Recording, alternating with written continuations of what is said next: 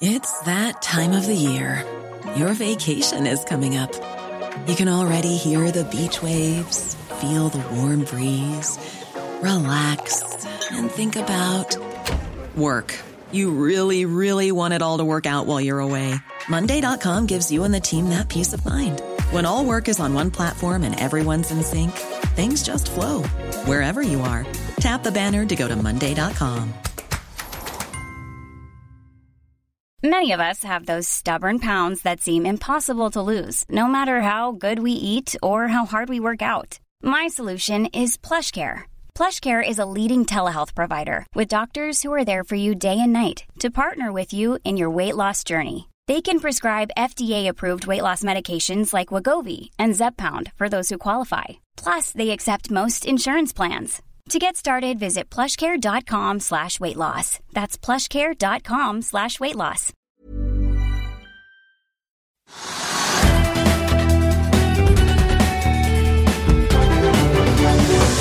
Velkommen til Økonominyhetene. Vi begynner med Oslo Børs. Akkurat nå er vi opp 0,6% Trygve. Kanskje ikke så overraskende hvis man ser på oljeprisen? Nei, det er en god observasjon. Altså, oljeprisen er da oppe i nå 58 dollar fatet for brentolje. Nesten 59 dollar fatet.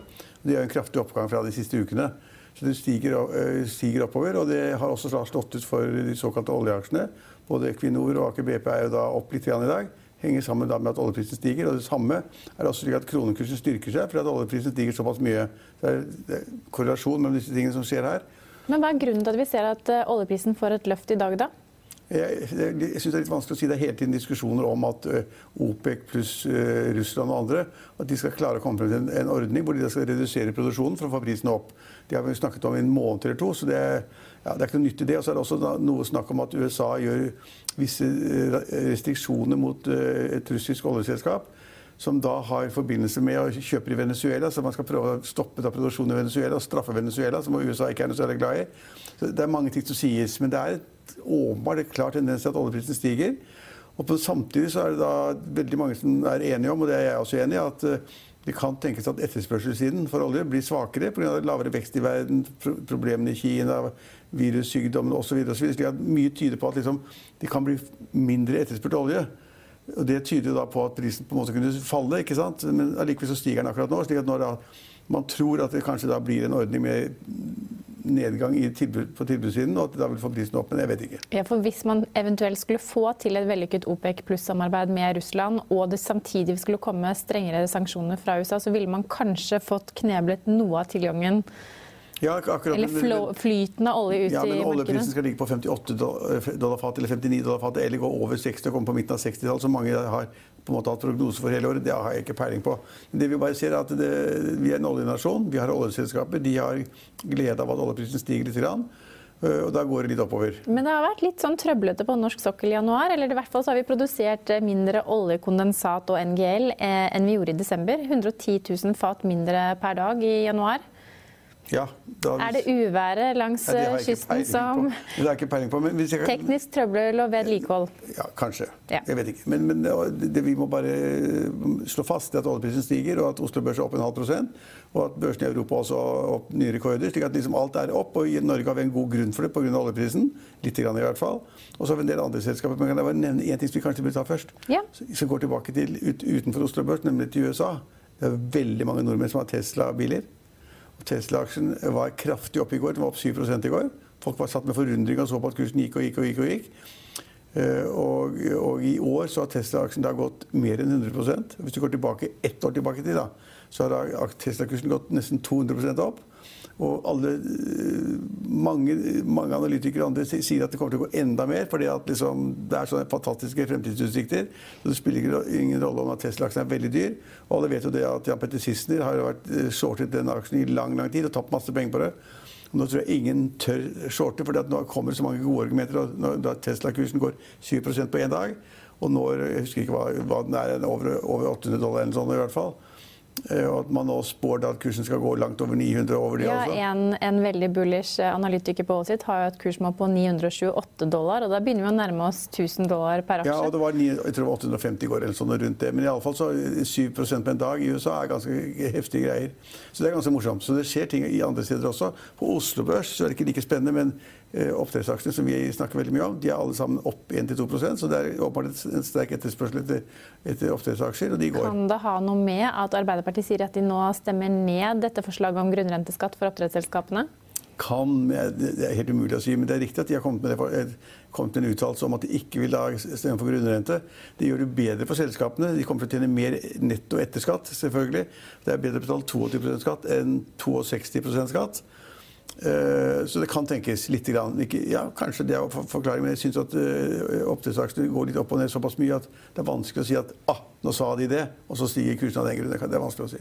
Men Arbeiderpartiet har i hvert fall sagt nei til lakseskatten fordi de mener utvalgets modeller ikke er gode nok. Og de, de vil også heller gå inn for en arealavgift en, eller en produksjonsavgift som tilfaller den kommunen som oppdrettsanlegget ligger i, til gode. Ja, og det tror jeg er et ganske godt forslag.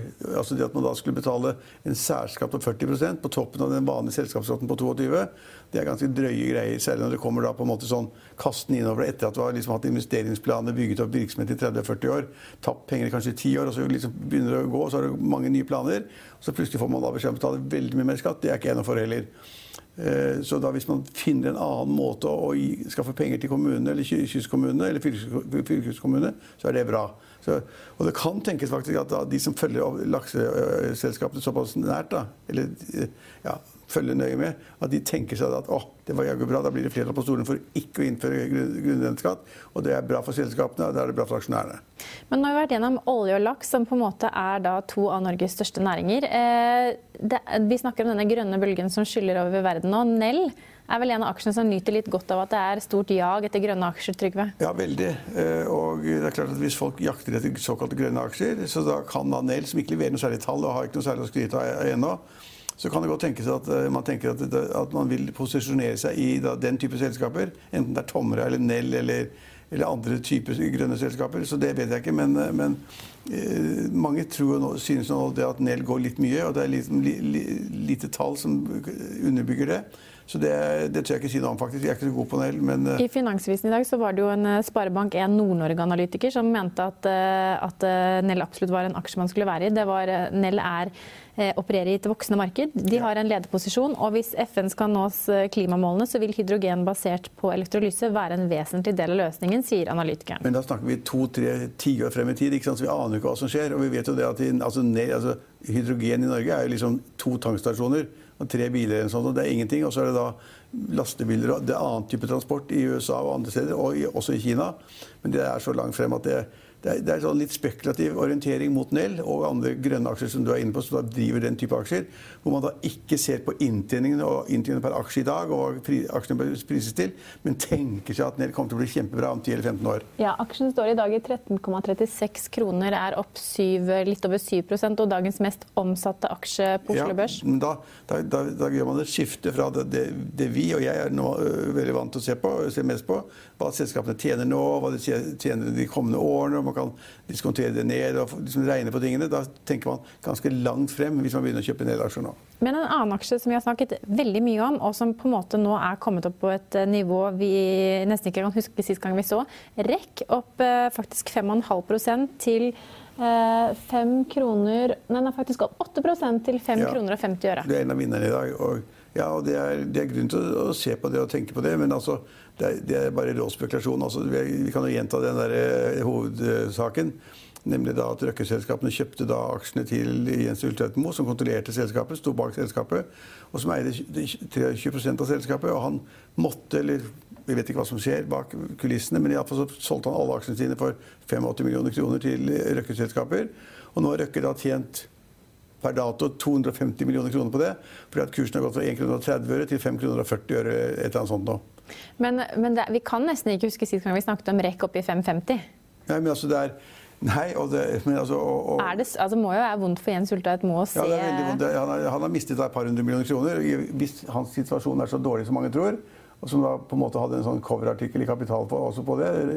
Imperiet hans, hva som var igjen, hvor mange milliarder han har tapt i Sør-Amerika på da biodiesel.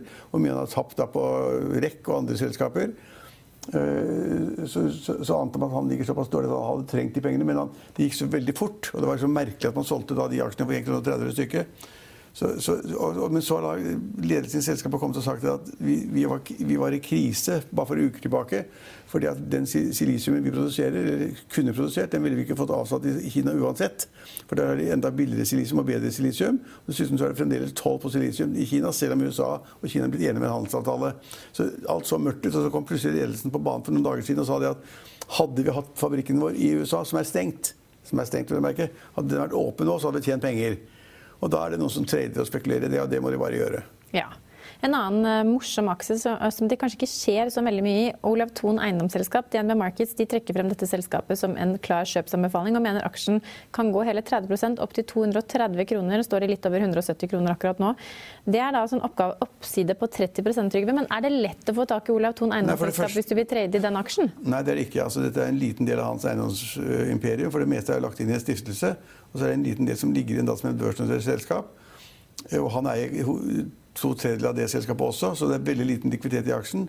Men det er helt riktig at han er veldig flink til å leie ut. Han er, altså, Ton fremdeles, han er 96 år, og hans folk er kjempegode. De får gode kontrakter, leier ut riktig, eh, blir kvitt de dårlige kontraktene, får inn nye. Har mange gode nye prosjekter midt i sentrum, bl.a. Eh, så du kan godt tenke, og han, han har, øker overskuddet, og han øker da inntektene, altså leieinntektene i selskapet sitt. Så det, at, det, altså at Olav Thon eiendomsselskap vil gjøre det bra, det er jeg rimelig sikker på. Men om det skal gå opp 30 det vet jeg ikke noe om. Nei. Eh, og bak oss nå så er det record high for Nasdaq og ser ut til å bli en god børsdag også på USA-fronten. Gøy overalt. Ny, nye all time high overalt. Ja. Og høy oljepris i Norge. Det er bra for Norge. Ja. Vi er tilbake i morgen klokken 15.30. Følg med oss igjen da.